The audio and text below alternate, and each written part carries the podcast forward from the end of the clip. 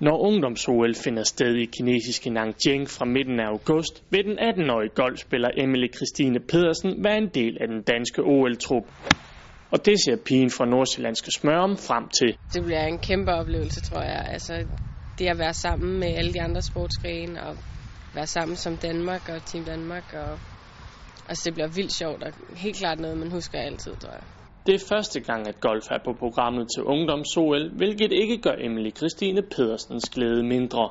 Det bliver fedt. Det er en fed måde at spille på, at man i golf, så spiller vi både en individuel turnering, og så spiller vi hold, hvor jeg skal spille sammen med John Axelsen, den anden dansker. Så vi spiller som et team. Det bliver, det bliver rigtig sjovt. Emily Christine Pedersen har tidligere vist, at hun kan levere internationale topresultater. Det får hende dog ikke til at love en medalje i Nanjing håber altid på at vinde, ikke? og det er altid det, man går efter, men de er rigtig gode, dem der er, altså, det er de bedste for de andre lande, så altså, der skal meget til, men jeg går selvfølgelig efter at vinde og gøre det så godt, jeg kan. Sådan.